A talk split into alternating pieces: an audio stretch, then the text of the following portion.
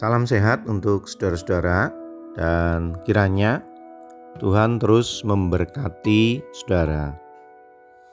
Firman-Nya dalam kitab Yeremia pasal 8 ayat 10 dikatakan Sebab aku maaf sebab itu aku akan memberikan istri-istri mereka kepada orang lain ladang-ladang mereka kepada penjajah.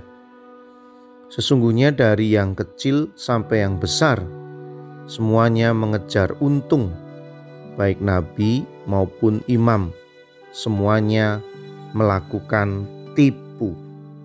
Yeremia 8 ayat 10 Keras sekali apa yang tertulis dalam kitab Yeremia ini, di mana Tuhan murka terhadap perilaku umatnya sehingga hukuman dinyatakan.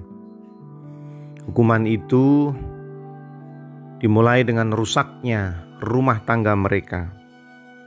Dengan dikatakan istri-istri mereka diberikan pada orang lain. Itu sebuah istilah di mana rumah tangga mengalami kerusakan. Dan dikatakan ladang-ladang diberikan pada para penjajah.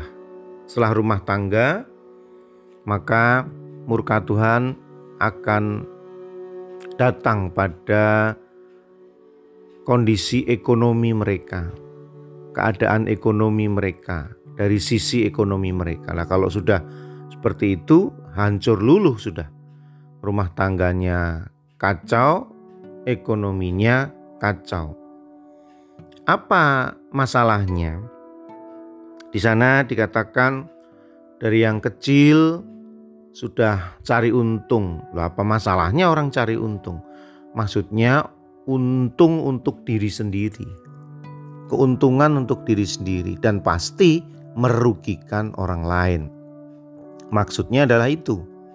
Dan dikatakan nabinya, imamnya melakukan tipu. Nah, ini poin yang utama sebetulnya ada di sini.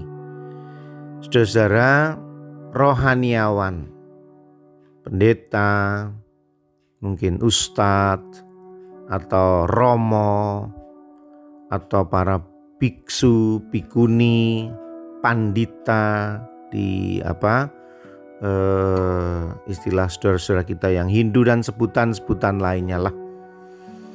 Mereka juga manusia dan perlu dibantu.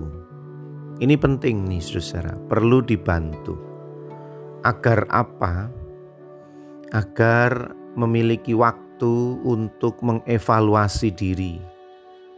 Agar mawas diri terhadap godaan iblis dan tidak terjebak lalu terjatuh dan kemudian tidak pantas lagi menyandang jabatan keimaman itu, menyandang jabatan kerohaniannya itu. Karena kehidupannya tidak bisa lagi menjadi contoh dan teladan. Nah, kadang-kadang di situasi seperti itu umat segan untuk menegur, umat segan untuk memperingatkan, umat eh, segan untuk menunjukkan bahwa ada yang salah begitu. Ya, walaupun juga sering terjadi sebaliknya sih. Umat hanya menyampaikan karena seleranya, tetapi bukan sesuatu yang prinsip. Nah, bukan itu maksud saya. Tetapi Maksud saya adalah agar kualitas hidup para pemimpin agama kita, termasuk saya tentunya, jangan segan-segan, jangan ragu-ragu untuk memberitahu jika memang ada sesuatu yang salah. Agar apa? Nah, seperti yang tadi kita baca, saudara, agar saya dan para rohaniawan lainnya tetap menyandang jabatan keimamannya itu dengan pantas, dengan kewibawaan, dan dengan semestinya. Nah, sebab dari sanalah saudara akan peroleh inspirasi, keteladanan, contoh kehidupan.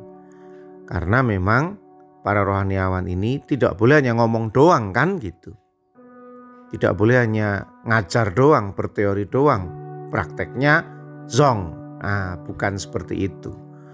Nah, maka jangan segan-segan untuk menjalin komunikasi agar kehidupan para rohaniawan, kehidupan saya sebagai pendeta, saudara-saudara, tetap berada di jalan yang baik, di jalan yang benar, dan dari sanalah kita tetap bisa menjalin kerjasama dalam iman.